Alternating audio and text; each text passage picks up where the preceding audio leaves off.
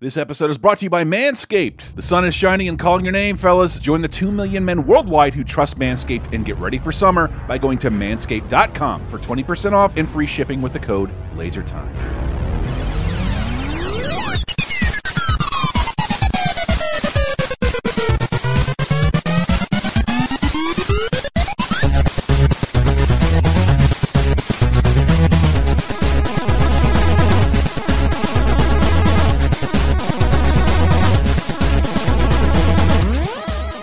Dave, who's on first?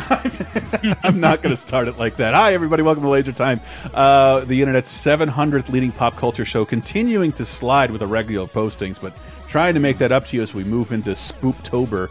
Uh, hi, I'm one of your hosts, Chris Antista. Who else is with me? Um, I'd actually say this podcast is now ranked actually around 69, dude.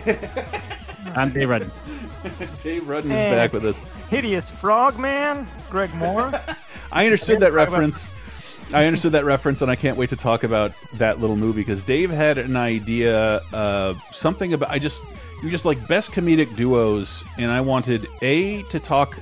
I, I things have been really depressing for me lately, and I'm guessing a lot of other people out there paying attention to the world. And I just really want a show where we can just giggle at stuff we already know like, uh, kind of guilt free. This is one of those shows, a happy little listening party talking about things we already like um, and and then I, I just I loved the new Bill and Ted so much, and I and even friends I trust and I know they'll love it haven't bothered to check it out yet. But it's it, there- there's there's something about that with the pandemic where like there's not a lot of new shit to watch, and yet none of us can find a way to watch it. I'm rewatching things. I got to finish Community before I can start Ratched on Netflix. And but uh, but Bill and Ted, I, I can't say enough nice things about. So Dave, Dave brought up the idea of comedic duos, and I thought that was you know not not troupes, not sketch comedy people, but like bona fide duos duos uh, who who make us laugh, and I wanted to celebrate uh, those people and see what you guys think about. it. If any of them are bullshit, some of them feel like some of them from my lifetime feel a little dated. So I can't wait to see what you guys think about. Yeah. it. And I think um, what's heartwarming about Bill and Ted Face the Music, I mean, the movie is, is really good, Mm-hmm. um, but it's it's just great that it's uh, Alex Winter and um, you know that other guy, what's his face, uh, Keanu Reeves. Um, oh, the guy from that- that, Cyberpunk, like, right? right. yeah yeah that that keanu is like you know alex winter has a has a good career but it's like that keanu thinks like i this guy is so cool and he's so important to my life that i will like reunite and make this movie with him yeah. um and, but also so another project but i i, I love it and it, it definitely shows through a lot more when you can tell that a comedic duo like have a deeper friendship than this movie Huh. that they did together like that that, that That's an excellent to point. you know stick a little bit more um i it, i think we'll find that some of these are duos that you know have that kind of deeper bond maybe some don't but yeah i think that's usually that kind of chemistry is what makes a comedic duo Right. you know And and and, and just uh, to, to be a Bill and Ted stan, I, I feel like I described it elsewhere as like Bill and Ted is the movie. Bill and Ted are the movies that everyone of my generation saw, but it's no it's no one's favorite. So I feel like Mm-hmm. Yeah. it, it sort of gets brought up occasionally, but like it is fucking delightful and worth rewatching, and it's not as stupid as you think it is. And and then part of going through all this was like I, I actually just really love Stupid Friends. Yeah. Uh, it- it's it, it works all the time. And like in every, even when they market some of these movies that aren't about necessarily stupid people they make them look stupider in the trailers because they know that's funnier. And I, I as much as i'd love to talk about ashton kutcher and sean william scott from dude where's my car? That's kind of what i'm talking about as an example but we won't be talking about that. Um, I, I did i asked diana real quick like I got to talk about old comedy duos. Anybody you want to shout out? And these are the ones we won't be spending much time on. But uh, she shouted out Nichols and May, um, uh, and Laurel and Hardy, uh, Stiller and Meara, and of course the Smothers Brothers. uh, not the oh, only adam and eve Uh, yes, two cave people i don't know I don't. I I don't know either. I'm like I, I I did look in briefly into Martin and Lewis because parts two friends from the simpsons No. if you're my age, this was this sort of set the bar for what a comedic duo was, even though they lasted, I believe, ten years to the day.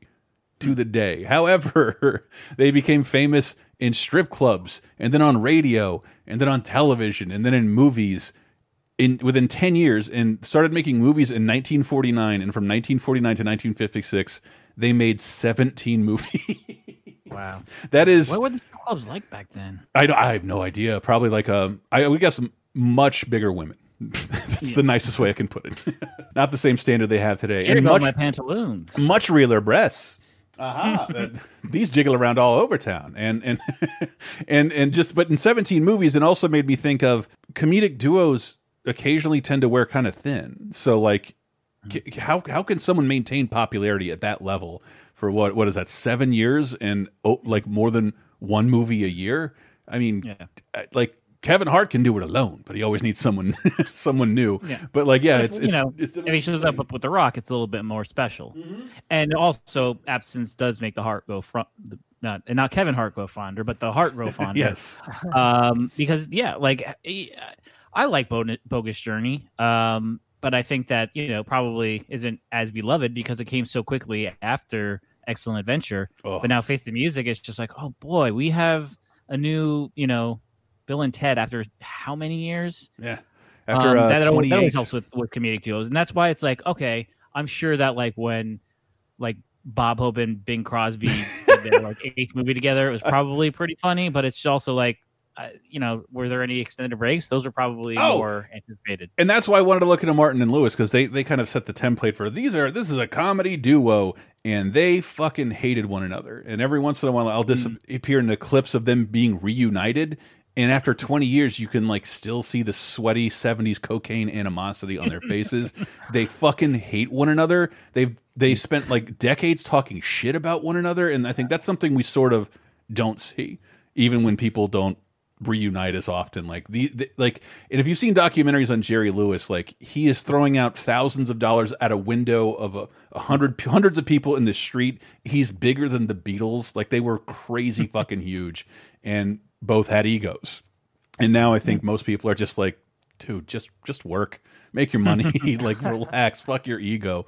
Uh, do a podcast and steal our thunder. Thanks every celebrity and uh, but yeah, we will talk more about uh, our favorite comedic duos right after this break. Folks, you might have heard us talk about Manscaped and the importance of male grooming before. Well, now that summer is upon us and the clothes are starting to come off, it's more important than ever to give yourself a little boost of confidence and look your personal best by taking care of some of that stray body hair, some of it down there. Since it's so hot, you might even want to trim things a bit shorter than usual, and when you do, take it from two guys who have learned the hard way, more than we care to admit, you want to be sure you're doing so safely, especially when trimming the hair down there. And that is where Manscaped can help. It may be a scorcher out there, but it's time to bundle up in here with Manscaped Performance Package 4.0. Inside this package, you'll find the Lawnmower 4.0 trimmer, aka the GOAT of ball trimmers. Go! Weed Whacker ear and nose trimmer, Crop Preserver ball deodorant, Crop Reviver toner, Performance boxer briefs, and a travel bag to hold onto your goodies. Their fourth generation Lawnmower 4.0 trimmer features a cutting edge ceramic blade to reduce grooming accidents thanks to their advanced skin safe technology. The Lawnmower 4.0 has a 7,000 RPM motor, a new multifunctional on off switch that can engage a travel lock, and gives you the ability to turn the 4000K LED spotlight on and off when needed for a more precise shave. Did I mention this trimmer is waterproof too? In the shower or in the wild, and from your chest pubes all the way down to your ball fro, the Lawnmower 4.0 is the best trimmer for you. Want to take your grooming game even further to the next level? The Performance Package 4.0 also includes the Weed Whacker to chop your worst weeds up top in your nose and ears. The Weed Whacker is also waterproof and uses a 9,000 RPM motor powered 360 degree rotary dual blade system. This nose and ear hair trimmer provides proprietary skin safe technology which helps prevent nicks, snags, and tugs in those delicate holes. Not those delicate holes, you sickos, your ear and nose holes. Ugh. Uh, once you're done grooming, you seal the deal with Manscaped's delightfully scented liquid formulations. Before heading outside, use Crop Preserver ball deodorant to keep you on your game in the heat. Then, after trimming the lawn and whacking your weeds, give your beach balls a boost with Crop Reviver. There are few things as refreshing as a little spritz from the Crop Reviver. Manscaped even threw in two free gifts to their Performance Package 4.0 the Manscaped Boxers and the Shed Travel Bag. Bring your comfort in boxers to another level and get 20% off and free shipping with the code LASERTIME at manscaped.com. That's 20% off plus free shipping with the code LASERTIME. One word, LASERTIME at manscaped.com. Escape the shrubs and the weeds this summer and shine with Manscaped. Your balls will thank you. Do you like Video Game Apocalypse in 30 2010? Well, the LaserTime Patreon has figured out a way to combine the two over at patreon.com slash lasertime. We've taken a month's worth of 30 2010's games from 30, 20, and 10 years ago and grabbed the hosts Michael Raparez. And Matthew Allen. from Video Game Apocalypse. And with our combined three decades plus in the games industry, we found a great way to take a deep dive into the biggest gaming anniversaries of the month. Here's a recent sample. Um, and then my absolute favorite thing I'd never heard of until Michael put it in this doc The Flintstones colon Burger Time and Bedrock. I wanted to find more trademark screens, but this is very much the arcade classic Burger Time. Yep. Done with me, your pal Fred. And he he beats up, he beats up like the Great Gazoo as if he's an enemy. But it is like a, a much slower Burger Time with a story. You know what they don't have, what they didn't shell out for? The Flintstones theme. But the Flintstones theme they came up with for Flintstones Burger Time in Bedrock is one of the most sublime and melancholy things I've ever heard.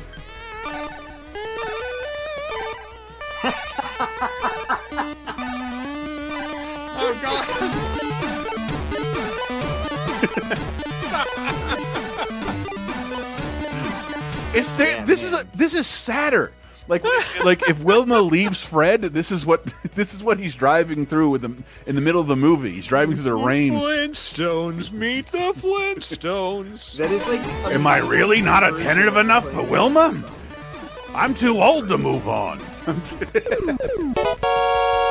so, in addition to weekly bonus shows, over 100 movie commentaries, exclusive specials, you can get the 30 2010 Video Games Edition, celebrating a month of important gaming milestones every single month at patreon.com slash lasertime in exchange for just five bucks. And you'll support all of the Lasertime shows, including Video Game Apocalypse, right, guys? Yeah.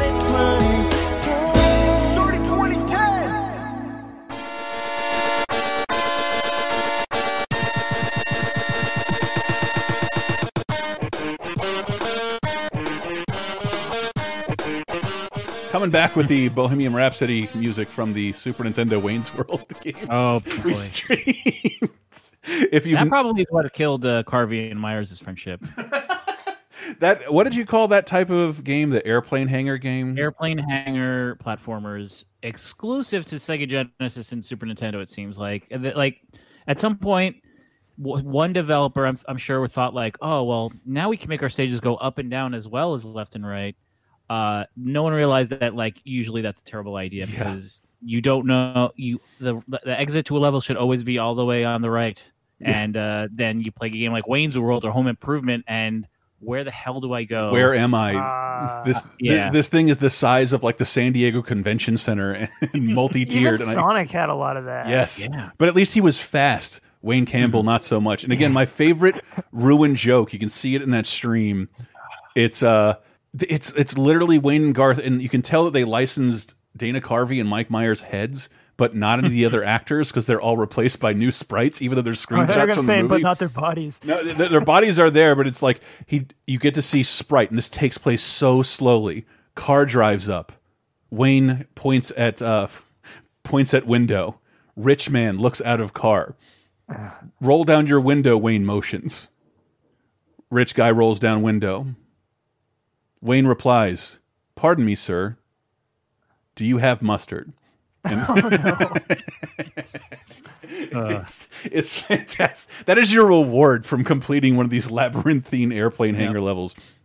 But I, I do want to celebrate Wayne and Garth because they are they are like the live action comedy duo that I grew up with, and in hindsight, sort of took for granted because like yeah, I'm sure this will always be around. And uh, here's a little clip of, of of the boys. She's a babe. She's a robo babe. In Latin, she would be called Babia Majora. If she were a president, she'd be Abraham Lincoln.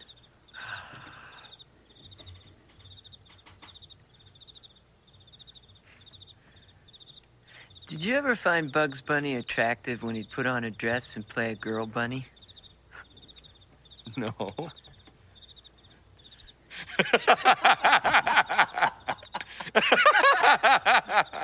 No. Neither did I. I was, I was just asking. I fucking love That's that. so scene. weird. I was just talking to my wife about that scene like an hour ago, I and, think, and like, thinking about how like now we all know that this was actually a pretty common fetish. Yeah, yeah. Thank you, Lola Bunny. Like we have, we have finally a bunch of honest millennials out there to tell us, like, yeah, of course, dress Bugs Bunny up like a girl, I'd fuck him. And and and uh, and, and just Wayne's World. Me growing up in, I'd never heard of Wayne's World until I saw the movie. I remember ri misreading the poster. It said you, you'll laugh, you'll cry, you'll hurl, and I thought it said you'll hurt. Like like wow, that seems pretty emotional. Kind of covered that. Yeah. Looks like we got another singles on our hands, and like I, I didn't know anything about it, and I, I was introduced to Wayne's World, and it, I th think I may have seen it in theaters, but when it came out on VHS, uh, me and three kids in the neighborhood watched it literally every day, every single day, and I was I was shocked to look back on it like um uh it was it reviewed incredibly well. It even though it was marketed like these guys are dumb, I'm like, are they? They're really funny and airtight. like, what are you talking about? And and and I just I love this fucking movie. I saw that Roger Ebert was like like this movie's awesome. I thought it was going to be terrible, and and Siskel put it on his top ten of the year. Wayne's World Wow. and I, I think it um it's a it's an it's an awesome time capsule for me. However, I still love the format of Wayne's World is just YouTube now.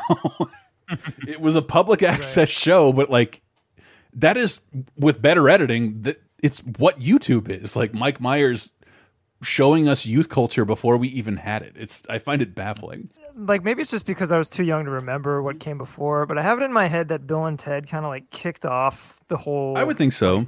party dude archetype.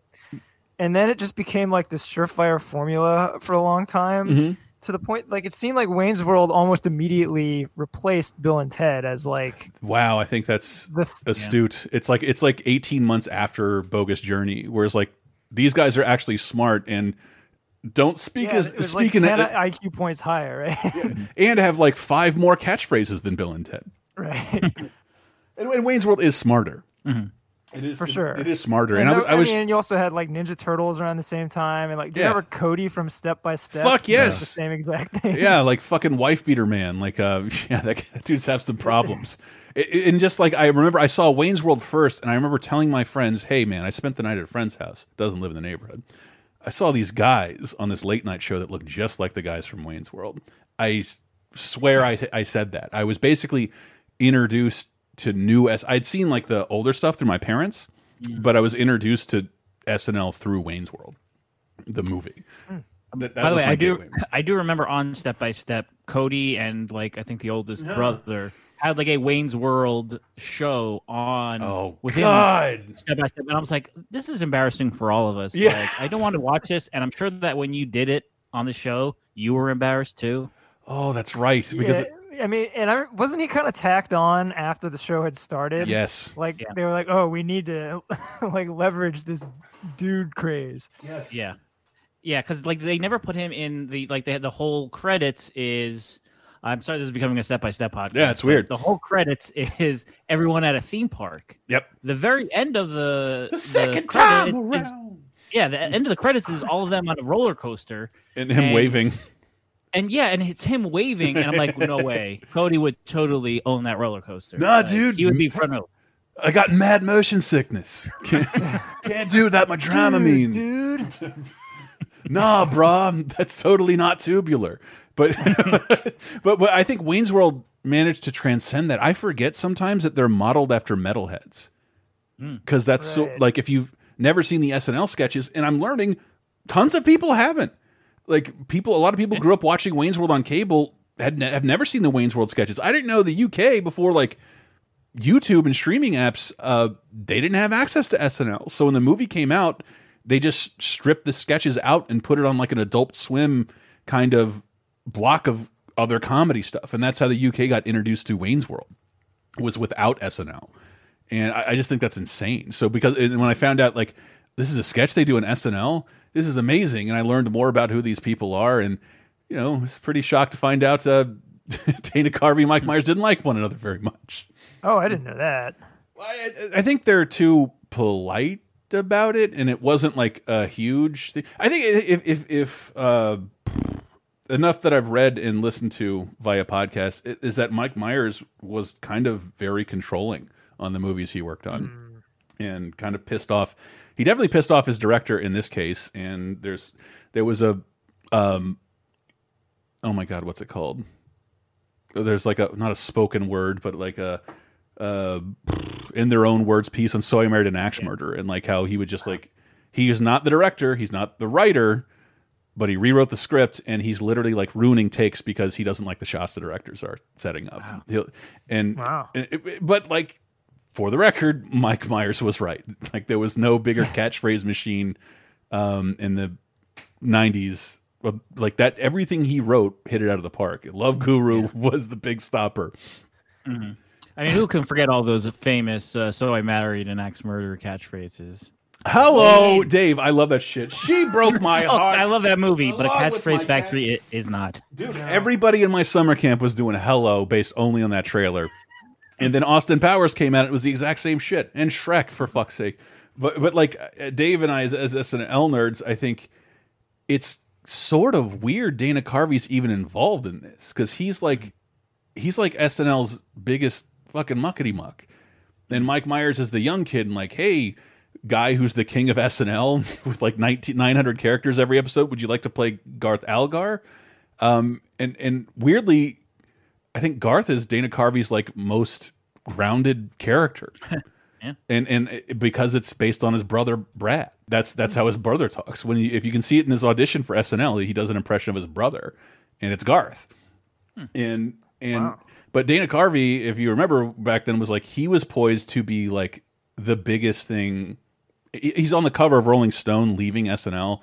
If you haven't just watched uh, uh, Too Big to Fail like I did, uh, got his own show on ABC, had uh, several movies that he starred in that are all terrible. And but like all of a sudden he's playing second fiddle to this Mike Myers guy who's like calling shots behind the camera, and they claim to have a falling out over their Lorne Michaels impressions. That Dana Carvey came up with the Lorne Michaels impression and Mike stole it to make Doctor Evil, allegedly. Wow. But, but then like I think he was on uh, uh, Carvey was on Stern recently. He's like, I mean, I never told him that, but I I did tell my therapist that. Like I don't know how that information got out there. Yeah, I was. I don't know. I was mad about it. he was making a hmm. ton of money off of my impression, and I, he's like, I added the pinky thing. That's not something Lorne does, but that's how we would do Lorne backstage, and then whatever. Uh, but Yeah. yeah, I they- to the, to your point though, I do feel like in retrospect, the, like Wayne and Garth, like the comedy of that movie doesn't really hinge on their comedic chemistry that much. No, they, in fact, most of their comedy occurs in separate scenes. That's why I use that Yeah. scene of them talking on the hood of their car because it's it's nice. It's like a breath of fresh air from all the silliness. Especially in part two, which is like they almost have completely separate movies. Yeah. in that movie. right. Yeah, it's like it's like OutKast last album, double CD.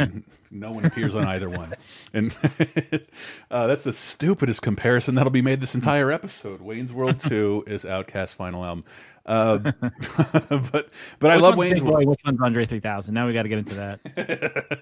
I, I love Wayne's World. I think it really holds up, and they're the perfect mix between like self-aware and stupid characters. And I, I I'd never thought of that, Craig, but I do think they replaced Bill and Ted because they weren't as dumb and had actual goals they could Right. accomplish. Smarter, more relatable, more charismatic. Yeah, and could like and throw and throw to like really deliberate parodies a little easier than non-self-aware aware characters could do. Yeah.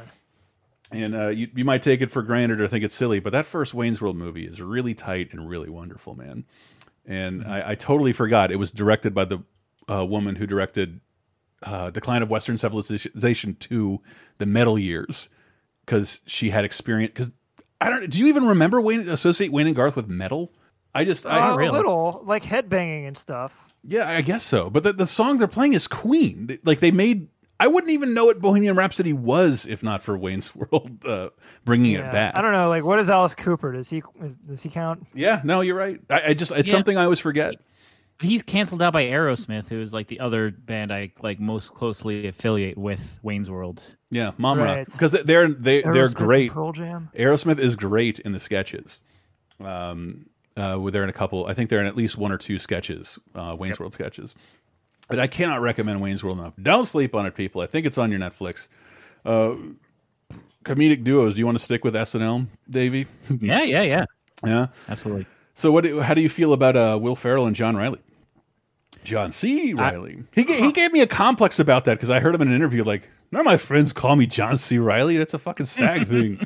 And, yeah, I'm gonna do bad John C. Reilly impressions. Is that like a Michael J. Fox situation where there was already a John yeah, Reilly? there's already a John Reilly with a the Screen Actors Guild, so you had to put a put an initial in there. That's Oh, why, wow. That's why we had so many like three named teen stars in the '90s. Yeah. Because uh, we weren't very diverse, and all of those Yeah. names had been copywritten. Take that, Sarah Gellar, and and it's also I'm guessing why we have Michael B. Jordan, and that depresses me to no end because of Space Jam. like mix them up. That's the, that's the thing. Uh, So was there already a Freddie Jr. then? I'm just kidding. Yes, there was. There was. I, I understood that joke, but uh, Ah. but Will Ferrell and, and and John C. Reilly, that shit like makes me very happy on a lot of levels, Yeah. and and uh, not only because I think Step Brothers is a great movie, but just that like uh, um, I, I felt like me and my group of friends were the only one who watched Boogie Nights like every week and laughed our heads off, who didn't think of it as like this is an Oscar worthy drama, like this is really funny and this John C. Reilly dude dancing to the touch and and playing a dick based cop is fucking hilarious. Uh, I, I think this dude is hilarious, and it's it's interesting to think about. In the same year, they put him in Talladega Nights, or like a year later, he was in nominated for an Oscar, and he was in Martin Scorsese's The Aviator, and he's in all the in Chicago, and he's in all these Oscar nominated films. And even on his Wikipedia page, it's just like 2011. He transfers to comedy. like, yeah, I guess he sort of does. it's like all I I can't really. I don't know that I'd be able to accept him in a dramatic performance at this point. Fucking Steve Brule. I mean, like, it, it also, I think Will Ferrell and John Reilly, at least in those two first like movies they did together, they had such like a a very um a very similar dynamic between the two of them, which is just like man children. yes. Um, that being said, I've not watched Ho- their and third Watson. team up, which I've heard was like literally one of the worst movies of that year.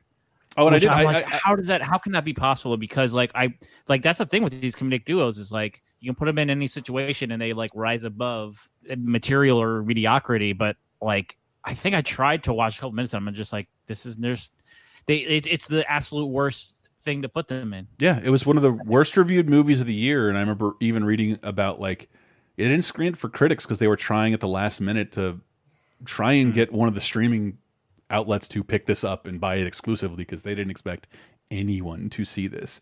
And and I literally, I just thought it like wait, this is one of those movies that just came out during the pandemic, right? Like, no, it No. this is the movie that wishes it came out during Yeah. the pandemic because we could have done that excuse. It like, this was like terrible, and they knew it was going to be good. At they theaters. knew it was terrible and and that's what made me so sad when i talked a bit in the beginning about like burning out because sometimes i don't i don't blame will ferrell or think he sucks i think it like i could watch two and a half hours of his talk show appearances where he picks a different person to be and doesn't break character no conan don't ask me about the bird on my shoulder for 10 minutes uh, I, I i i like him for that but something like something about like a lifetime of people i don't like quoting Will Ferrell and like hearing his hearing shit from old school and Anchorman and bad radio drops from radio stations I hate listening to. Like something about Will Ferrell. Like man, why did I ever like him? And I know that's not the case because like because uh, I'm not a huge Talladega Nights fan. I love the original Anchorman, but I love Step Brothers. It's I think Yeah. Step Brothers is this bizarre thing of like there's like no money involved here. You basically just got some like Oscar nominated actors to play their parents, and that's sort of it. And Yeah, the, the one two punch of Holmes and Watson and The House, like Right. I'm not sure I'm I, I actually enjoyed the Eurovision movie or if it was just such low standards that he rose above that I was like, Yeah. okay. I'm really confused because like when certain movies come on cable, I'm like, I'm not watching this shit. Like, did I ever? Li I can't believe I ever liked this. Not not so with John Reilly though. Yeah. But just That said the Eurovision uh, soundtrack slaps. they are they are they are I- I- actually I- they are actually in seven of the, the same movies, not together, but like cameos and whatnot Mm. from Tim and Eric's billion dollar movie to like uh, Mm. I think he plays a Confederate ghost in Anchorman 2. John C. And also, I did want to give a side shout out if you could remember the Daily Show, because I was just watching that uh, um Dana Carvey show documentary on Hulu, Too Big to Fail, about the six episode run of the Dana Carvey show, and they hire two unknown guys named Steven, Stephen Colbert and Stephen Stephen Carell. I believe Colbert was Carell's understudy at the Groundlings, and they so they're in this they're in like every sketch together, and then they go on the Daily Show, and if you remember even Stevens, they would play off of one another, and then they became so like meteorically popular. I haven't seen them together in like ten years. But I like, mean, I would love to see a movie that is the two waiters who are nauseated Yes. by food. the two ways are not two waiters nauseated by food. yes. Just a full length movie about them. creme.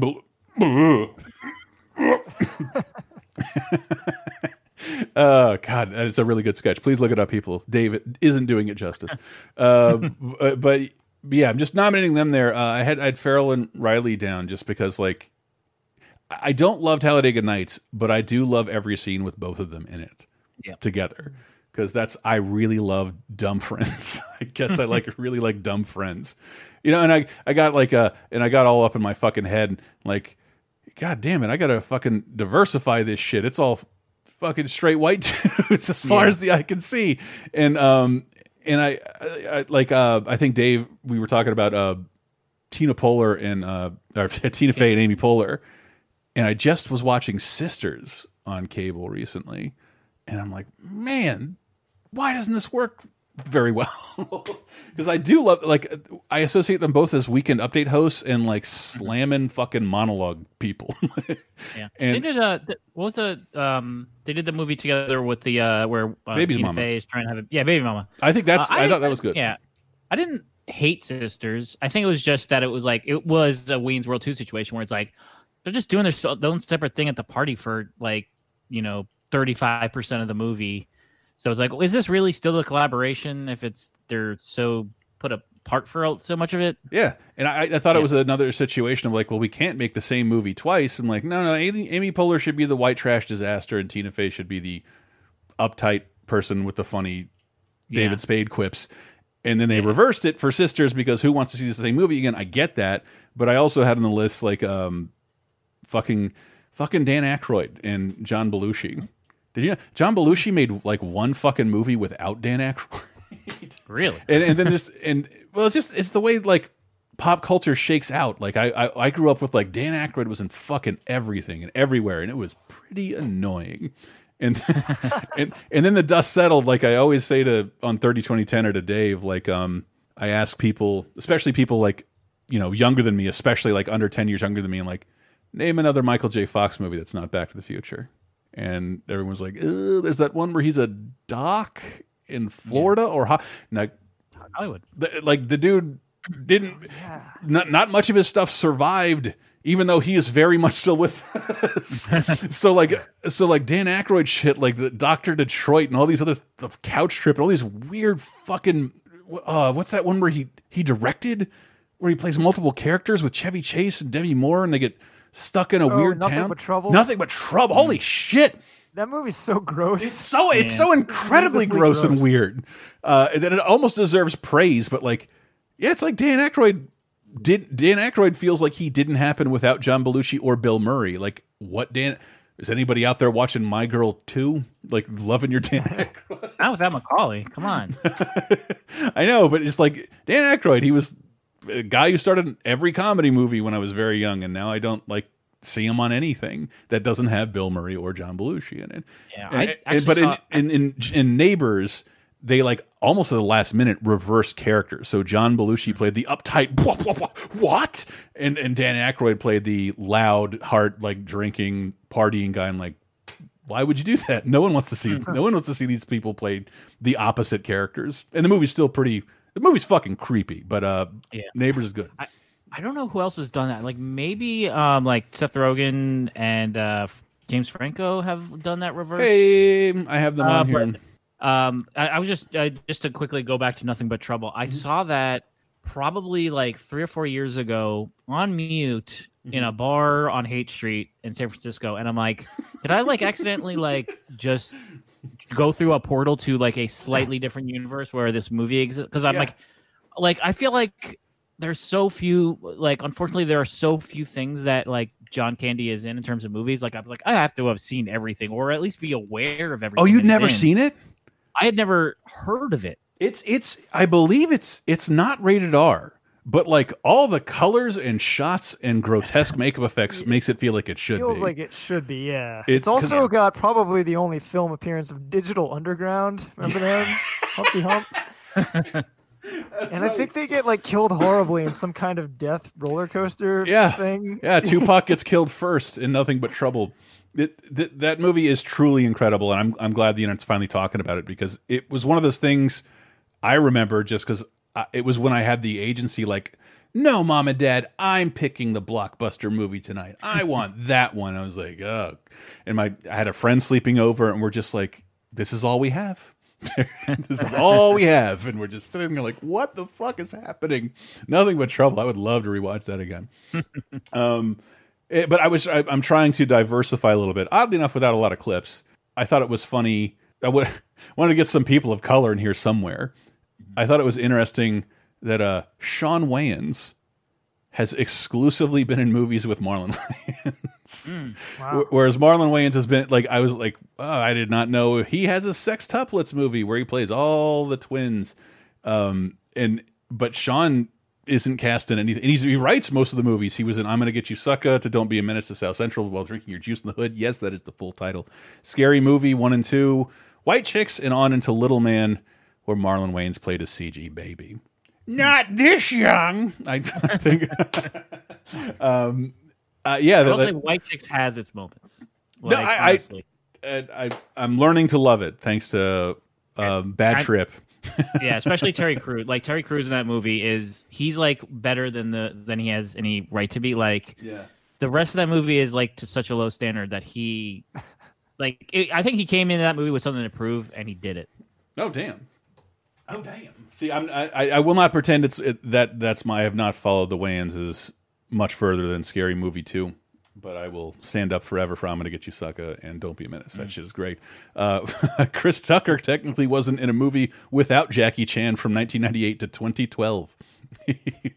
he exclusively starred in Rush Hours. And I think they're a great comedic team, and it's And just think- it's just that balance shit, like a disciplined, quiet, badass to a loud, obnoxious blowhard. Like fucking great comedic There- chemistry. So there must have been a, some period of overlap where he was two timing with Owen Wilson, right? Yeah, there was. Yeah. And In the like, Shanghai trying to movies. become a Hollywood duo guy. Yeah. Yeah, yeah, Yeah. definitely. And before all of that, he was with Sammo Hung all the time.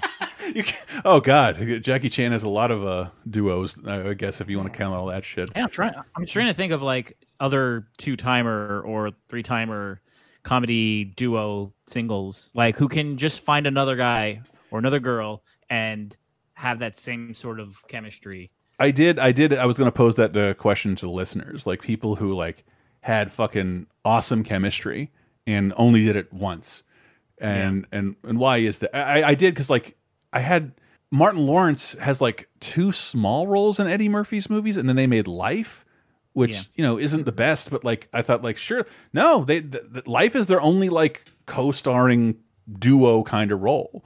Yeah. Um, I mean, I guess you could say like I think Tina Fey, if she ever Oh. did anything else with with Alec Baldwin, I'd I'd probably be in for that. Or yeah. Tracy Morgan, I'd be in for that. Like, but it's just she never has done that second thing that is like, okay, well that's that's the duo, that's a duo that Fey has. It's like they had Thirty Rock, which is which was amazing, but she like some of those people, she just never really took on another show with her or movie. what about Kimmy Schmidt? She's helming shit, man. Helming shit. I know, I know, but like you know that the unfortunate side effect is that she's not acting as much, and she's not having these other duos that she's creating. Well, this, What this about like uh, when Tim Robbins and Martin Lawrence teamed up for like the Oh, there racial mismatch comedy? What the was, fuck like, was that called? bad for. That was no, uh, nothing to lose. Nothing to lose.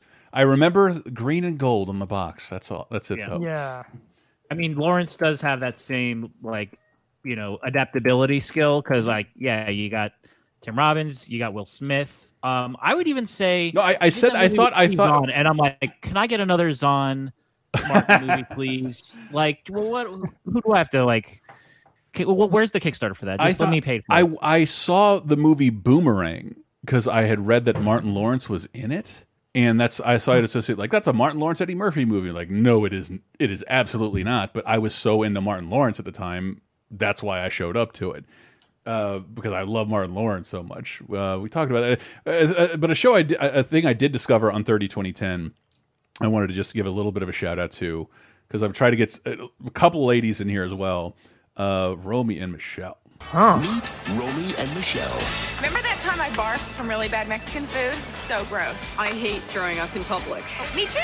Oh, They walk the walk. God, this underwear is totally riding up my butt. They talk the talk. Romy, did you lose weight? Oh, all I've had to eat for the past six days are gummy bears, jelly beans, and candy corn. God, I wish I had your discipline. I, I, I fucking love. Ro I, wish there was more of it. I can't believe it's it's based on a play uh, from from the '80s, which Lisa Kudrow was always a part of. From based, uh, written by Robin Schiff, they made an NBC pilot like temporary projects for 1987 that never got seen until Lisa Kudrow got famous from Friends. They aired like a 10 year old pilot one night where she's basically playing a version of a Romy and Michelle character. They made the movie in 1997, and I I rewatched it for 30 2010. I'm like, this is like the Lady Wayne and Garth. I love this. Oh, so amazing. Yeah, they're they're they're they're dumb, but like smarter than me when it comes to crafting a joke. so I, I really appreciated it, and like I I remember, shit, what was that movie with um, ass backwards? Like where are all the dumb la dumb dual lady comedy? Yeah. I want I want a movie I mean, with two dumb ladies. There's the series long dumb, the dumb comedy featuring two ladies, which is uh, Broad City. right. But uh, and those that's another duo where it's like the ne- the next time that those two actresses are in something together again, I am there for it, Right. but it hasn't happened yet. Right. Um, but yeah, I will say like there are comedy duos that you can tell they are so good Mm-hmm. just because they there is like a prequel or sequel made reuniting those characters and you can tell like oh that's it's not the characters it's the comedians Hmm. where because they had that they had a Romy and Michelle prequel Yes. Katherine Heigl played one of them I forget who played the other one ABC But I'm like Family. oh yeah and it's like oh you you thought that it was the characters it was not it was Lisa Kudrow and uh, Mira Sorvino and that's the Ah. same thing with um Dumb and Dumb and Dumber Yeah. where it's like no that is just Jim Carrey and Jeff Daniels that's not those two characters Yeah. and then, of course, well, that's also sort of like a, uh Sherlock Holmes situation when they did Dumb and Dumber too. And one of the rare times that like a comedic duo reunites and it's just just doesn't work. I- I I wanna give it another Dumb and Dumber shot. sequel, but it was just something. I was want to give it another shot because I remember being 14 and everything in Dumb and Dumber working for me, and now I watch Oh, it and like, this is not the case anymore. and I still love this movie. Why can't I go watch Dumb and Dumber to and just like, yeah, this is 30 percent good. I, Yeah. why can't I just enjoy it? I, it's good to see these guys back together and spraying uh, Banach in the wrong direction. Um, the, and uh, I, I did like I don't know what it, for what reason. I'm gonna guess it's my ladies doing. We've watched a lot of Rogen and Franco stuff because like otherwise I'm not sure. Like how during the pandemic have I watched Super Bad, Pineapple Express, The Interview, and The Disaster Artist? And I know that's a six month period, but come on, like, and and that's like those aren't even the only movies they're in together. Are Um, we considering super bad a Rogen Franco joint? Just like Well, no, no, not really. Yes, well, I mean you can. It's very easy to do, but uh, but I, but uh, we were watching um, was watching a Freaks and Geeks for 30 2010. They start out in Freaks and Geeks. They're both a knocked up. This is the end. Um, a movie called Zeroville I've never heard of. The night before, they both cameo in any movie. The other one, like shepherds or writes. Like it's kind of neat. They're they're like they use themselves seemingly sparingly, but more than any duo we have in pop culture right now. Uh, J- uh, James Franco and Seth Rogen, and and uh, I, I watched the interview again. In the interview, I was willing to reappraise once it was removed from like. This movie was not funny enough to risk global thermonuclear war. This is this nothing is that funny, but like this is lovely. I had a great time with the interview, and James Franco is like really going for it. Is fucking insane the whole movie. What a fucking bitch, am I right? No, you're not right. He's not being a bitch. He's completely right. He's motherfucking peanut butter and jealous. He's not jealous. He's putting KY jealous all over his dick. What is there to be jealous of? Fuckers hate us because they ain't us. They hate us because we anus? The fuck does an anus have to do with They this? hate us because they ain't us. That's not what it is. Yes, it is. No, it's not. They hate us because we is us, and what we is doing is fucking terrible. They I- It's wonderful rapport. You know, none of that. How much of that Yeah. do you even think is fucking written? It, it just, I, I find it delightful. and uh, my, including my favorite movie they did, remaking that Kanye West video where they just make out in a motorcycle for like five minutes. that I gotta watch. It's a wonderful sequence and a wonderful link to go to for comedy. But I, I, I feel like, uh, you know, I, I don't see these. I loved American Pickle, but I don't see these. I don't know. Like, I, I, I we're doing this sort of just that, like, uh, um, I think we're not going to see a lot of comedy movies in the movie theater anymore. But if Or every studio wants to start a streaming streaming theater. service, um, I think we'll get sequels to underperformed and cult comedies a lot more frequently. Yeah. I, I think the idea of, of like I'm I'm terrified of another Step Brothers, but it's like it's never been closer to reality now that I don't know. I was reading that statistic that like they used to like advertise the shit out of a movie because they wanted your seven to fifteen dollars, and like the average streaming customer is worth um five hundred dollars over time. So they will they will make something for you specifically. If you ever saw that article looking at Netflix's numbers, like Daredevil's a hit, hundred thousand people watched it. That's it. That's it. But it made it. But it made money for Netflix. So yeah, different, a more stratified world, and maybe maybe a movie theater isn't. I miss seeing comedies in the movie theater. It's one of the things I miss the fucking most right now. We should be watching. Greg and I should be watching horror comedies, um, and Dave. Just Greg's much more of a horror fan. Um, this, this season, and that's not going to fucking happen. That bums me the fuck out. Oh, and if I did, but if it, it didn't say that, I think I said it on a bonus time. What I'm do- what I'm doing, I went and got a bunch of uh, horror movies from like a couple Goodwills, and I'm setting up a Halloween neighborhood library box. Ah. Stay at home, Oh, cool. Take what you want. I spent thirty dollars, dig through these forty movies, um, and and and yeah, leave or leave something or never bring it back. Just like consider staying home because where I live now, there's a lot of people refusing to. Um, that- that is very Just sad. be sure to put some really disturbing stuff in there too. You guys have a, a favorite? Sleepaway Camp. Or, No, I, God. am keeping it all uh, pe- under R Society. for now. No, oh god. Am- Am I missing any any Rogen Franco loveliness? Like, I mean, I know Dave and I both love the Disaster Artist. Yeah, it's weird though. Like that was uh, they they were such a prolific duo that like once in a while a duo will do like what you think is their last movie, mm-hmm. and that's like that kind of like I, I really I, I I actually forgot Seth Rogen was in the Disaster Artist. Yeah. because that's more of a it's more of a Franco Franco. Yes, uh, yeah, team yeah. up there. It's not. He's not his Um, co-star, but he's in there for. It's not a cameo either. He's in there for a significant amount of time. I know, but I yeah blanked on him being in there. Mm-hmm. But like yeah, like this is the end was like yeah, like that I just saw as like well I guess that's the last time we're seeing Right, I never. Franco and Rogen together, or even that whole frat pack group. Fuck, that'd be a good Like- rewatch. Over. how- I love that fucking movie. Uh, yeah, I mean, in the same way that like when they finished the Cornetto trilogy, I thought like, oh well, that's it for um. Fuck, that is the one for I Pegg Frost. forgot to get a clip of uh because you know Simon Pegg out there writing and doing acting work, and then has his buddy Nick Frost that's just like, yeah, you want to do stuff with me? I'm like, man, I want to be somebody's schlubby, funny friend who doesn't have to do shit.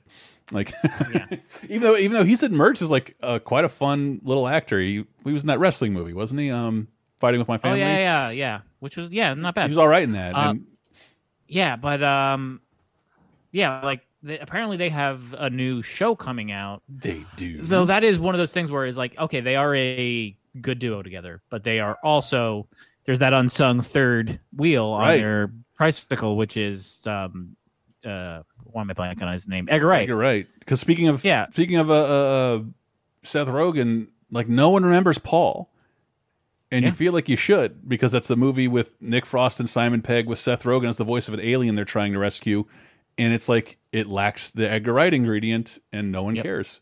They're in a fourth movie together the entire time, and nobody cares.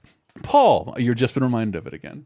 Yeah. And, and uh, what's what's your favorite uh, of the Cornetto trilogy? Man, that really it really kind of changes depending on the mood. Like I, I like for a while it was Shaun of the Dead just because like it's the zombie one, Mhm. and but when um the second of the three Hot Fuzz came Hot out, like I was not that I was not that well versed in in uh, buddy cop movies, but then you know the comedy duo of uh, Will Smith and Martin Lawrence kind of got me watching all those like ahead of the their reuniting in uh, Bad Boys for Life.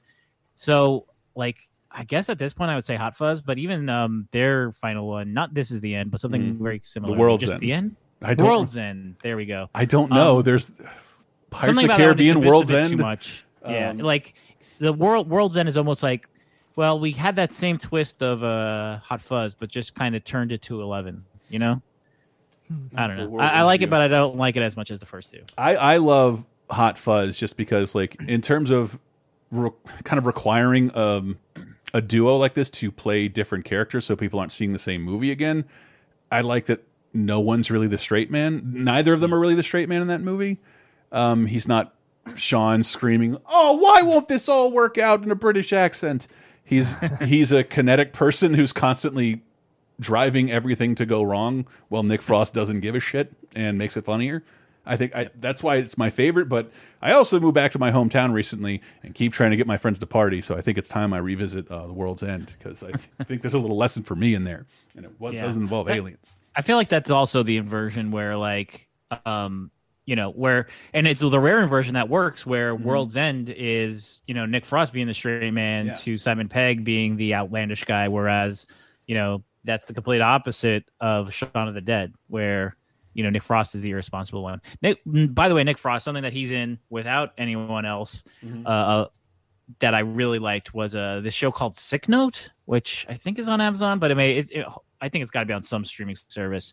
I, is- I remember it, was it- on it was on Netflix because I remember did it have the fucking Harry Potter got- kid in it? Yeah, yeah, And so I kept reading his uh, I kept Grint. reading it as Nick Nolte for like a long time, but it's Yeah. it's Sick Uh, Nolte or Sick Note. it, it, it is the same as uh, or is very similar to a show that I'm enjoying now, Search Party, where it's like, and I like my wife kind of likes it, but also is very comfortable with um, something like it's almost like Unusual Suspects, where you have like one lie that just becomes Yes. continual lies, and like a part of you wants to see that lie just continue forever, but Yes. you also can't wait for that one part where like, oh, and the lie just got fucked. I didn't even know from you that that show got a third season because I loved the first two, but it's an HBO Max exclusive now. As, yep, yep, yep. And whoever Um, whoever that guy is in the show has my favorite reading of he gets hit in the nuts with something for a nut shot, and I I feel nothing, and then he Hmm. screams, "Ow, my ball!"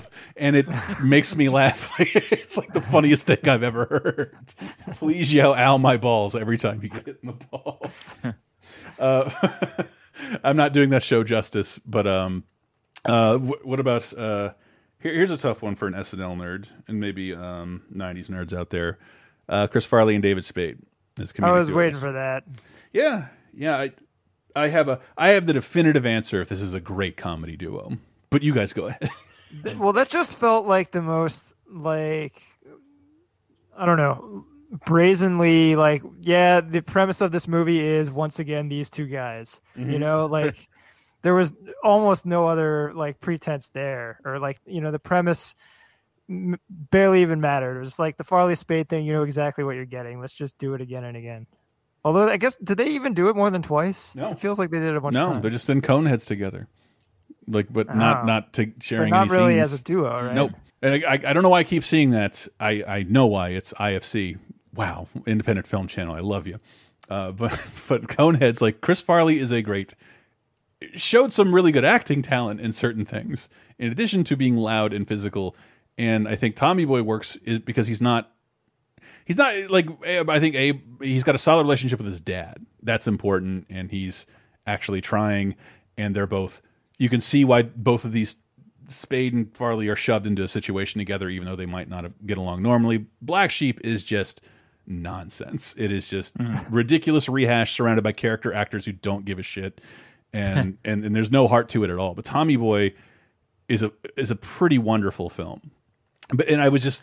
I, I was just shocked, like listening to an interview with David Spade, and like, how did that come about? And like, oh, Lorne Michaels just started would watch us as Chris Farley would bother me in the hall. He'd break my balls, and then I'd Mm-hmm. insult him and like somebody write a movie with about these two, please. And that, that's literally all all that he like. He got SNL writers to write a movie based on the dynamic of Chris Farley and David Spade. And Tommy Boy is sadly the only place outside of YouTube you can see that because they hmm. appeared on a couple talk shows together. But like, this is fo following Wayne's World. Like, these guys are the biggest stars on SNL, and I'm watching every behind the scenes feature, and they're always interviewed together, not just because it's clear they have a good rapport. They look funny sitting next to one another. David Spade is very small, and Chris Farley is very big. And Yeah. and but when you see those interviews, it doesn't contain the mean spiritedness of Tommy Boy. Like, are you talking? I can hear you getting fatter. um, you can see David Spade like laughing and coming in to save Chris Farley as he's like he's dancing as hard as he can to make everyone feel as good as possible, and kind of needs David Spade to come in and say something Yeah. snarky to bail him out of whatever impression he's gone into. Yeah, and it's also like one of those things where you can tell that there is a deeper friendship because Yes. the thing about like I'm straining to think of another uh Dana Carvey, Mike Myers, like anytime other time that they were together on SNL outside of Wayne's World. But like when you think of Farley and Spade, like they have a lot of SNL skits together. Yep. Uh, like the Gap Girls. Um, You- but you can find I- a, you can find a ton of sketches with them together. But I encourage people to like find talk show appearances and like interviews and shit. They're really fun to watch together, and you can see why someone with a lot of power and people at his command would be like, just make a movie about those kids, uh, because it, I have a little clip of them on the Tonight Show. And it's it's Farley doing something loud and gets crowd. He, he constantly does something loud and crazy, gets crowd reaction, but he has no out or punchline and that's when David Spade will pop in and say something, and it just works kind of every time. And you don't see any meanness because David Spade just sitting there laughing because it, it's his friend. And and then, uh, uh, so I was a little irritable and uh, I hadn't get any sleep, and so we are on a plane, passing the time playing checkers one time, and then uh, David was he was beating me, and I was getting a little cranky, and uh, and so I was saying stuff like, "Move your back row! You can't just keep them back. That's easy. Playing defense. Move them!" And so he got so scared that he started moving his back row, and he wasn't concentrating on his moves. And I'd be like, "Going, king me now." And then I'd be all happy when I started winning. I actually accidentally scared him into winning. I won. David. I know. And then he'd go, Isn't this fun? And I'd be like, So you guys pretty much hang out together all, all the time? Is this? Well, uh, no, no, not all the time, but uh, I'm, I think uh, in the future, if, if everything goes bad for me, I can always make money by writing expose books on Chris. You know, Chris and me, the unauthorized biography. Has he done that now? no, no, he's never he's never really. I mean, there's a ton of stories that would not make Chris Farley look very good. Uh, I mean, the one that I love 2020. hearing though, I've, I, I think he's done it like he had that talk show on uh, Comedy Central for a while, Mhm. um, and I actually did listen to like just because I'm such a such an SNL fan Dude, he had so many to- SNL like, reunions. It was awesome. It's like the longest Yeah. anyone's talked to Adam Sandler because he's never been on a fucking podcast.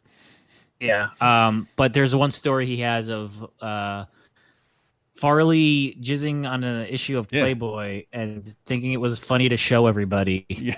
Yes. Oh, yeah. And then and then realizing that he made a mistake. They're taking his shit out the window. 30 Rock, if you've ever been to that building, it's kind of hard to get into. Now imagine a dump coming down from the biggest ass in show business. Uh, yeah, yeah, but it- they, they shared an office and had the rapport you see in Tommy Boy is trying to reflect the rapport the office got a huge kick out of. And I wish he was still alive so he could be doing a watered down version of that in Adam Sandler movies. Um, and I want to get now. I just want to get to the the big rodeo, guys. I am so happy. Um, I, I rewatched Bill and Ted one and two in anticipation of Bill and Ted three. Face the music, and it is, dude. This series is simply it is joyous, and no and nobody nobody again. I don't think anybody would say Bill and Ted is their favorite '80s movie. Um, but just the idea, I, I don't know, the idea of like, dude, this is a solid friendship. These guys are dumb as shit, but at, almost at no point do they like break up or Yeah. get in arguments with one another. and it's the first movie is just like this wonderful, earnest, just feeling like it's written from a teenager's perspective. Yeah, we'll probably write the song that saves the entire planet. Why don't we mm-hmm. literally visualize that with the future worshiping us as amazing songwriters and George Carlin gives us a time machine? It's silly as fuck, but it's like it is a 1988 child's imagination and it works very well for that. And then Bill and Ted's Bogus Journey is Gremlins 2. It is off the fucking rails. It it goes out of its way to not repeat everything and looks astonishingly expensive uh, at this I think- point.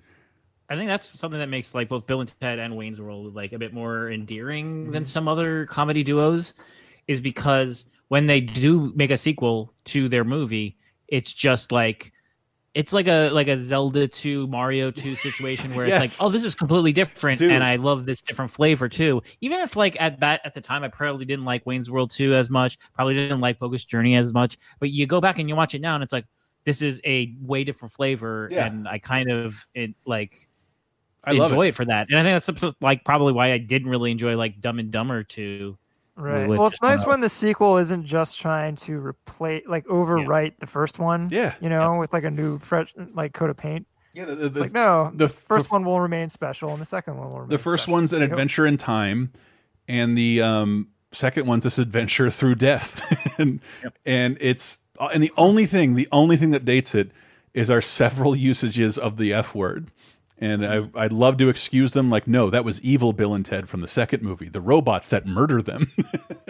uh, Wait, really? Uh-huh. Or is that it's a but it's a callback to the first movie where they both find out the other are not dead, hug, and then call each other the F word. and I was I wanted to ah, excuse it because I saw Bill and Ted's Bogus Journey and like they did call the devil that. Is there any word that's too naughty to call the devil? Here's hmm. a clip of that for you. There was none. None, none, none heinous. Choose your eternity. Choose your own. You fail. Even like crank it, I don't know if they in hindsight cranked up the sound on Captain Cyberpunk yelling the the F word of the devil. Uh, but that's, that is one of my favorite sequences. That sequence is batshit crazy. It's one of the best physical depictions of hell pre CG I've ever seen in my life. That shit rules. And it also contains my other favorite scene that um, me and my buddies get a kick out of. They go to their version of hell where they're like afraid of the Easter Bunny or tortured by ants, um, but they're constantly threatened with military school, um, or at least uh, at least Ted is, and they they finally end up in their version of hell within this like uh, infinite loop of military school. From now on. Is that clear? Yes, sir. Dude. What? Yes, dude. Sir. What? Yes, sir. Sir. Dude. Get down and give me infinity. Stupid, pathetic, craven little cretins. Dude. There's no way I can possibly do an infinity push-up. Maybe if you listen to him girly style. Jokers! I just hadn't heard the term girly style push ups in like 30 years. Made me very happy. I haven't done a push up in like 20 years, so maybe maybe that's a little more of a reason why. But uh, but after watching both of those two movies back to back, they're they're wonderful different flavors. I do think this is one of the great cinematic comedic duos there ever have been because Alex Winter and Keanu Reeves are a they're young people at this time conveying young people at this time, so they're very good at that. But it also is what makes Bill and Ted Three so wonderful, just committing to those characters again, uh, where most people have ditched that accent and all those affinities of uh, the late '80s, early '90s are all still present in Bill and Ted Three: Face the Music. But there was also like uh, that dad was also in Face the Music, so was Death. Like yeah. they cared enough about the the entire franchise to Okay, so that's bring back so many people. That's the clip. Uh, Dave, you've seen it. Greg, you haven't. The first six minutes are online. This right from the get go. One of my favorite things about the movie. One of my favorite things about the second movie was that in the first movie, their dad married a hot girl they went to high school with. In the second movie, she divorces Bill's dad and marries Ted's. Like, can't believe your mom divorced your dad and married my mine. And then the the third movie, 25 years later, you see in the trailers they're playing at a wedding. What they don't tell you is that it is Missy's wedding, the woman who has been married to, both of their dads. Ted and I have known Missy in different capacities for many decades. First, she was our babysitter when we were 10. Then we both invited her to the prom when she was a senior and we were freshmen. Yeah. Two years later, she married my dad, and Missy became mom. After divorcing Bill's dad, she married my dad and became my mom. And now she's marrying Ted's little brother, Officer Deacon Logan. This happy event would seem to make Deacon his own father in law, and Ted his own uncle. Not to mention making my dad his own son. it, it's and it's the same actress playing the woman, and it's Beck Bennett with no lines playing. uh, play- Apparently, I forgot that, that they, he had a brother in those early movies. yes, I mean, it's, they- and I, I know the other dad isn't there. I believe because he's dead. Hmm. But that, that's one of my favorite moments from part two, where they possess they possess his father. To just see that like balding seventy year old detective. Whoa, dude. it's such a wonderful. I don't know, man. This movie is great. I just felt like it took so long for Keanu to escape this reputation for like the like being the character he played in Bill and Ted, like decades. Yeah. I feel like well past Matrix, people were still making those low hanging jabs. Yeah. That low he's hanging fruit jabs about like, oh, it's Keanu. He's like, whoa, I know kung fu. he doesn't really act like that in the yeah, Matrix at all. doesn't sound like that at all. Maybe in, in maybe in And- Dracula, Bram Stoker's Dracula. I mean, Well, there are a yeah. couple, a couple those early roles were I- like I- very Teddy, mm-hmm. like Parenthood. That's a oh yeah, yeah. But he was playing. He was playing like a burnout in a lot of those movies. Yeah, I, I I do love- like how he uh, explains masturbation in that movie, though. Yeah, no, to uh, what's his face? Um, Joker, which is very weird.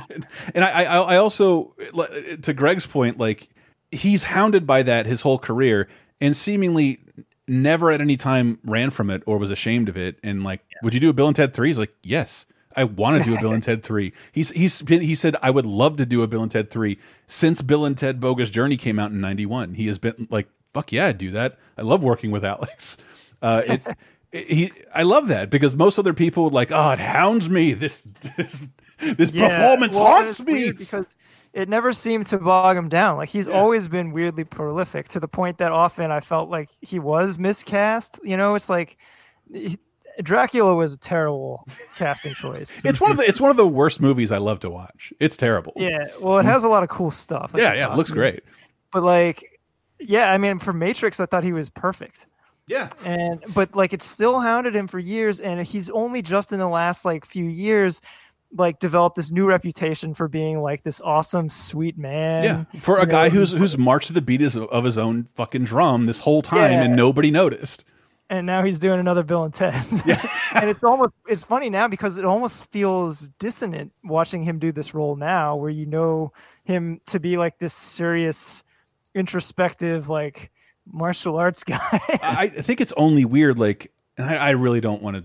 I even hate, I hate to make this comment, but it's just that like, I don't think you we realized how long we'd gone without seeing Keanu with a little bit of stubble or a beard because he mm-hmm. he looks the oldest, like he- of, of anybody in this film, and doesn't play it as high and hard. Whereas Alex Winter is exactly the same as he was in the first two movies. Yeah.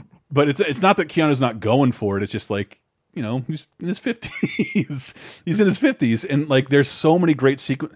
They where they're trying to find the song that saves the world, visiting future versions of themselves. I don't want to spoil too much of it. And I remember the thing I read that made me roll my eyes. Like I, oh, they have daughters. I don't want to see their. I don't want to see like, Dad, you never went back in time. I don't want to see this scoldy sitcom. That's what I thought. And when the movie opens up, like, no, their daughters are as awesome and as dumb as they are. Dude, our dads are totally in trouble. I feel so bad for them. They've been doing this on their own for the longest time. Yeah, I wish there was some way we could help them out, you know? Yeah. They're, I, that's not a great clip. It's just that, but like their performances are to be Bill and Ted to the point where they call them Little Bill and Ted Yeah. throughout And- the and film. they also- and they're All right. Yeah.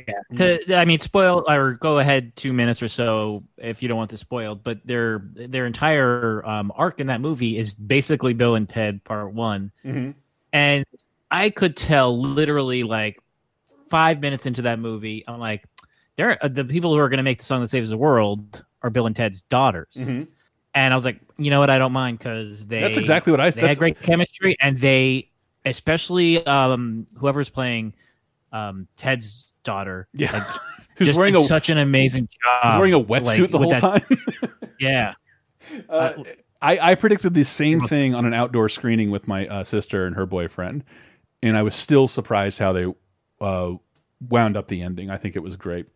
Yeah, I will say th- this is one. I, I don't know if it actually happened this way, but the movie like ended so abruptly. I wondered if it was like a COVID related thing. Oh, dude, they were shooting in March. Yeah, like it was like and they played it, and then like literally when they're playing it, and then they said, and that worked. Mm-hmm. And then it's over. I'm like, wait, it felt like there should have been a second, like one last scene after this that just showed everything, you know, being saved. It just, it was so I- I- weird. I, think it's something they would have picked up in reshoots because I think they were saying while shooting they didn't have the song that binds the world together. And spoiler, they find it, and they said, "Okay, everybody pantomime to the Beatles' Obla Di Obla Da, and we'll figure out Ah. what's what the song will sound like, like in post production two months later." but that's what that's they were doing it to the Beatles. That's what they're mimicking, Ah. playing to, because they did they, none of that shit was ready, and it, it it does kind of have.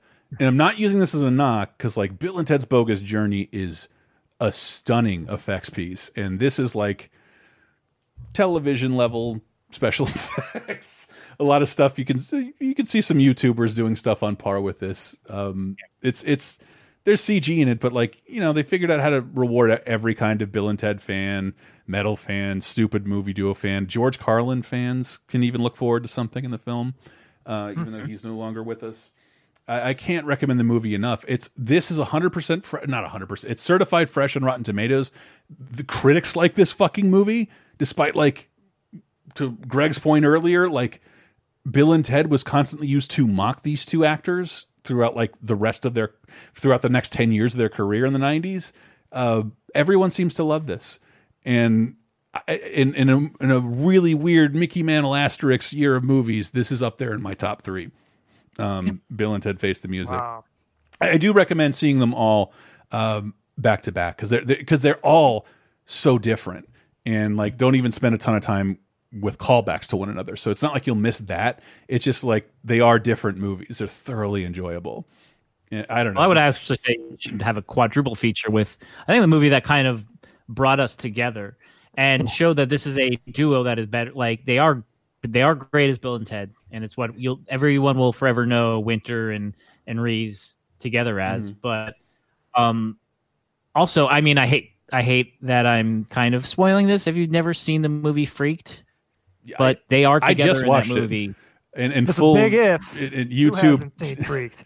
well, I think though that's that's that's the story that I want to get into. Can I pause Do we not all I just have uh, the movie channel in 1996? I 'Cause this came the only way I knew it. this would come on HBO in the middle of the day when I learned how to steal it. I, I saw it on uh, cable, but I also there's a great article online if you find the unofficial Freaks Freaked uh, fan site archived on WebArchive. They have a great scan of a film threat article, and it has one of the most tragic and amazing stories of uh, what feels like super old timey film story, but a, a current one. Here's a little bit of the Freak trailer. When fate brought them together, Mr. Skuggs took an average Hollywood slime ball and made something out of him.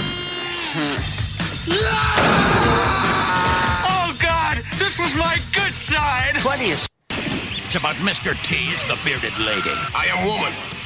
Now like me. It's about Bobcat Goldthwait as a sock. It's the end of the world! The apocalypse! Ah! It'll make you laugh. It'll make you cry. and it'll make a cold sore that you thought had healed up start bugging you again. It's the kind of film Brooke Shields has always wanted to do. Oh. Brooke Shields is in this. This I didn't realize until that article that Alex Winter essentially came to L.A. as a part of a filmmaking duo, and that like he became he he- and he started applying for acting gigs so they could make their films. I never saw the Idiot Box, an MTV sketch show that uh that he worked on, but he had been trying to make movies the entire time and used his Bill and Ted fame Yeah. uh, to to make a movie called Freaked and Freaked a movie that came out in 1993 has a weird story involving like I didn't realize that Alex Winter and his partner Tom Stur they came out to Hollywood to make movies and had a TV show I think on MTV Greg the Idiot mm-hmm. Box they had a sketch comedy Yeah, show Yeah, yeah. and and and that Alex went to supplement his income. Alex Winter started trying out for movies, and he gets to be in the Lost Boys and becomes famous in Bill and Ted. But his real goal is to finance making movies with his friend and partner. Is it Tom Stern? Tom Stern. and they they pitched this like seemingly it's some of it is like duckman levels of 90 cynicism and then some of it is just like this is beautiful fun comedy. I can understand why the adults you have to pitch it to won't understand. And it's clearly for people who like horror movies and makeup effects and think they belong think there's there there should be the ghostbusters of todd browning's freaks. And and and I I instantly fell in love with this movie and couldn't believe the cast that was in it. More than that, I couldn't believe I never heard of it before. I'd never seen a commercial for it. I'd never seen a trailer, and I'd never seen it in video stores. And it has one of those stories of like somebody at Fox greenlit this for like a significant amount of money, like multiple, like that film threat article is, it's talking to them like they just won the lottery. Like, you know, yeah, we're going to take 3 million each for ourselves and then we'll work on financing the rest of it. Like it's that kind of talk. It's uh, not, not necessarily a shit you saw in that awful documentary about Troy Duffy and overnight, but like, even though we already mm-hmm. know who Alex Winter is, they're instantly overnight given the reins to a lot of money, their own script. Alex Winter is starring in his own movie with a ton of his now Hollywood friends. Mm-hmm. And then by the time the movie's done, management has shifted out and they fucking bury it. And no one ever. Yeah, I, I've never seen a movie that like that got this buried. And I- Like I hate how UHF old- is the thing I always point to where it's like had such high expectations. Mm-hmm. Um, original release was not so hot. This is tenfold It's not, UHF. It's not only so much worse than that. And then like I grew up uh, when I had HBO in like the late '90s. This was on like every other day, and like this is fucking excellent. Like every part of this is funny. And then when I get a little older, there's like, we're Anchor Bay is going to come out with a two disc DVD, and now it's unrentable, it's unstreamable. You can't buy it on DVD. You can only watch it on YouTube for two in 240p. It's the same thing happened to it again, again. Yeah. And I never met, and I never and I never met anybody else who liked it uh, until Dave and Greg, because Greg I know has the Oh. DVD. obsessed. Yeah, it was um one of my absolute favorite movies growing up, and sort of shaped my sense of humor for life. I think that and the, yeah, it, was, it seemed like every comedy that I loved growing up had that same curse of being like super poorly distributed and like a catastrophic commercial failure. Um, it was like so like Crime Wave from Sam Raimi. It's like the the movie that he disowned, and then there was a movie called Brain Donors with John Turturro, and then this. Oh, the and they were fucking like- the Three Stooges one. Yeah, I was I was Yeah, I was even like thinking that. about that while putting together comic duos. I think John Turturro when he wants to is fucking hilarious. He's hilarious, Mm. yeah. But this movie, yeah, it, it- I remember. Do you guys remember the show Short Attention Span Theater? Vaguely, on yeah. Central? I don't even really remember what it was. It was some kind of talk show type thing where they would show clips of stuff. Yes. Uh, but They, I- they were they I were basically like MTV VJs throwing to clips of stand up from the network and funny clips from movies that Yeah. studios would give them to promote said movie. Yeah, and I feel like they plugged Freak on like three separate occasions, Mm-hmm. and and they would do these like pretty long segments where they'd show like a full scene, like they showed the the Hollywood Squares scene where they introduce all the freaks. Mm-hmm. and, but and like it looked so hilarious just from those clips, but I had no idea like where people were seeing this movie, and then. In like fifth grade, there was like a month where we had a free sample subscription to like all the premium cable channels. Mm-hmm. It was like the best month of my childhood. That's, that's where a majority Yeah. of my VHS tapes come from. Free previews of Yeah, premium that's it. channels. I remember I had to fast forward through Godfather 2 just to watch Empire Strikes Back. Sick of Star Wars coming this week. So yeah, we had like a worn out VHS recording from Cinemax, I, th- I think it was, uh, of Freaked that uh, I used to watch like every day. and I had that that aforementioned DVD, which I, uh, one probably one of my most regrettable like trade-ins slash, you know, getting rid of old I- media. Where I, I I moved to San Francisco and I'm like, I have way too many DVDs. I have to get rid of a sig- significant amount, and most are just like crap. But this one, I was just like, I'm looking at it, I'm like, I think I'm too mature for Freaked. I'm in my mid twenties now, and I'm like, that was so dumb because like yeah, I didn't know at the time it was going to be a super rare DVD, but just that, like, wh- like what, wh- how, like, where did I get off? Like, Well, this movie yeah. is a classic, and like, I shouldn't have to explain it to anybody if I show it to the, like, it's a classic movie that, uh, I mean, I, I and it, the part of it being buried is that, like, yeah, you don't even know. Again, spoilers. Sorry, that Keanu Reeves is in this. Yeah. like they didn't even like. I don't know if it's a it, he can't publicize the situation, but I bet it's just like I- let's bury this movie. Who cares? in watching it in 240p, I keep like I'm pretty sure he's the Wolf Boy, but you can't Yeah. see. You, you yeah. can't tell until like until the very end that it's Keanu, and he's in the movie like almost the whole time. Not the whole time. Yeah, totally. Yeah, he's yeah, he's a big part. He's like the leader of the freaks. Mm-hmm. And even knowing it's him, you really can't discern that it's him from looking. You can kind of hear it in his voice. I couldn't hear it It's to, like- until the very end, just because like I, I'm pretty sure he's the fucking Wolf Boy, but he's completely unrecognizable and uh, using a gruffer voice. The movie also has like Jesus, Randy Quaid, Mr. T, Bobcat Goldthwait, John, John Hawkes. absolutely Randy Quaid's best role. Yeah, yeah. He's so good. He sells every line. Larry The Bud secondary Melman. villain, yeah, the secondary villain, by the way, is uh, Death. Dan Sadler. Yeah. Yeah. Yeah. William Sadler, fucking uh, king of Frank Darabont movies. Um, God damn it! Yeah, and I can't recommend this movie enough. I showed it to my a horror loving lady, and just like, why have I never heard of this? And like, it's it's it's almost criminal that it's it's It- it's sat on a shelf forever, and the studio that owns it wants nothing to do with it. And it I think it's might be tied up with Rupert Murdoch buying Fox, Mm-hmm. and now it's fucking Disney owned. I mean, those those are Disney. You know, they they can be put into the Marvel Cinematic Universe at any time. I, I think half half of the freaks could fit in there perfectly. I call playing the nose person, uh, the giant, the giant nose person. You know, as as gross as the movie is, like there's a lot of crude, gross out humor, but Mm-hmm. I would argue that it's still like like the that's that's not what brings me back. You know, Mm-hmm. like if you're on the fence about watching it because it looks gross, I think the humor is actually pretty smart. Like if you're into Simpsons style humor, yeah, and, and watching Like- it, watching it as an adult, these are clearly two guys who grew up loving cult movies and effects movies, and there's a ton of nods to like the 50s and like a bunch of that shit as well. Like they they did their homework. They're clearly fans of a certain thing and want to make a comedy, like a high budget comedy movie of it. And I'm looking, I think it cost 13 million dollars of 1991 money and uh, made twenty nine thousand dollars at the box office and that's that's how, that's how poor of a return this saw, and it's it's fucking criminal, man. And and, it, and I'm, I want to tell everyone to watch it, but I really hated the YouTube rip.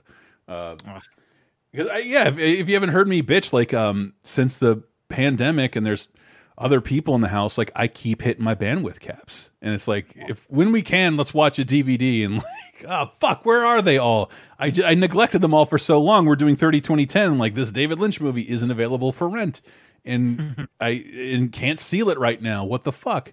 I'm physical media. It's gonna have a resurgence. So Greg, hold on to that thing. God damn, you still have it.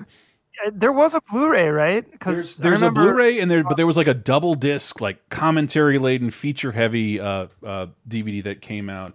When was That's, it? I think that's what I got. Yeah, it's even got like Alex Winter and Tom Stern's like short film projects from NYU. Yeah, Squeal of Death. Uh, it, it came out in 2005, and they reissued like a bare bones DVD in 2013. But Wow. like, and I love that. I, I I predicted it. I know Dave has been around for a lot of laser times. DVDs will become our new records, where we'll talk about things that we have original pressings of, because it has all the original shit on the fucking disc that you can't find anywhere else. Right. And, Yeah. and- Oh, you have the Holy Schneike edition of Tommy Boy? Wow. Oh my god, That's amazing. you you have the Criterion edition of Equilibrium. That's amazing. I got like super into collecting uh, like Japanese movies Mm-hmm. because for some reason a ton of them got dis- distribution in the states on DVD, and then like they came to their senses during the Blu-ray era, and we're like, yeah, we're never doing this again. So now I guess all these things are getting. No, the, the rumor is that uh, Disney is done with at least 4K physical media. So, of like, are abandoning the future format of physical media in in lieu of uh, streaming and uh, their their own streaming service. Um, and that's that's I understand why they do that. It's just a little strange. And and there's been just a couple of instances where like, yeah, we're way. I I had did I was I telling you guys that we looked up how much data you use to stream stuff. Like for HD, it's like three gigs an hour, and for so if you imagine yourself like binging a show, and Comcast is like, you have 50 gigs left, like you could use that in a day. Lord knows if you're streaming something 4K, that's like seven gigs an hour. Yeah. And and and and since Comcast lifted the data caps and we're all stuck at home and, and there's people here using the internet, we've run up against our cap every single month. Yeah, no, I mean, say, like I've, I've I've come close a couple times, and it's just because like, oh yeah, in addition to my work, which is a lot of, I have to be in a video call with somebody for multiple hours. Um, yeah, then there's the uh, what are we gonna watch? Well, I'm not gonna get pick out a DVD to watch. I'm gonna, you know, continue watching the show, and it's probably in HD. Um, yeah, and I'm a little bit worried about when uh, the Xbox One, Series X, and PS5 when I have to download those games. Or, Oh, or you- dude, think about streaming them. Like I, I put in 50 hours to this game. You are above your data cap for the month. If you did that in a week, you like it's it's infuriating because there was a there was a fiber um, upstart coming our way up until the pandemic, and now we got to wait like another six months to a year. But I. I don't know how I got on this tip from comedic duos, but um, I would Yeah, love to I- stick my thumb in the eye of Comcast one more time.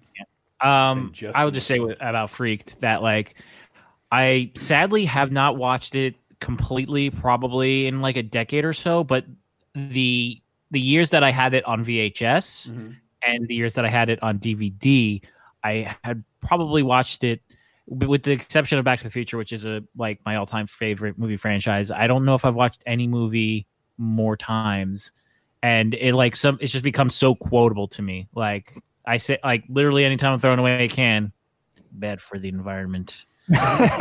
um, and, yet-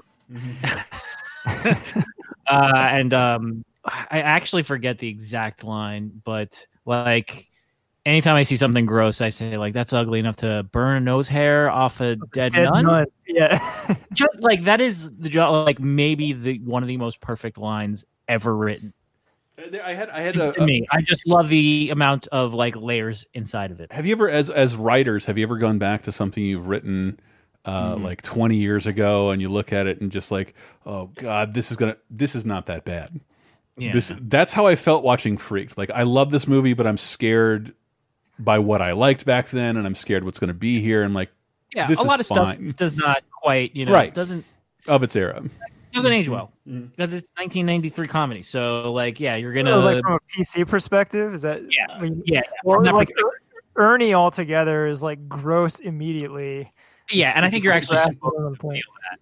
Too. Yeah, well, yeah, because they kind of sock it to him when they fuse him to a feminist. Yeah. and she like beats the shit out of him in every scene. Yeah, I, I I think it. I think it. There's something self aware there that I think it, you can still definitely enjoy. Yeah, and I think uh, one thing about Freaked is that like, you know, a good way to for a movie to endear itself to me is Mm-hmm. to come up with an altogether new word for penis. Um, you know, but, um, Ride my Rodney. Ride my Rodney.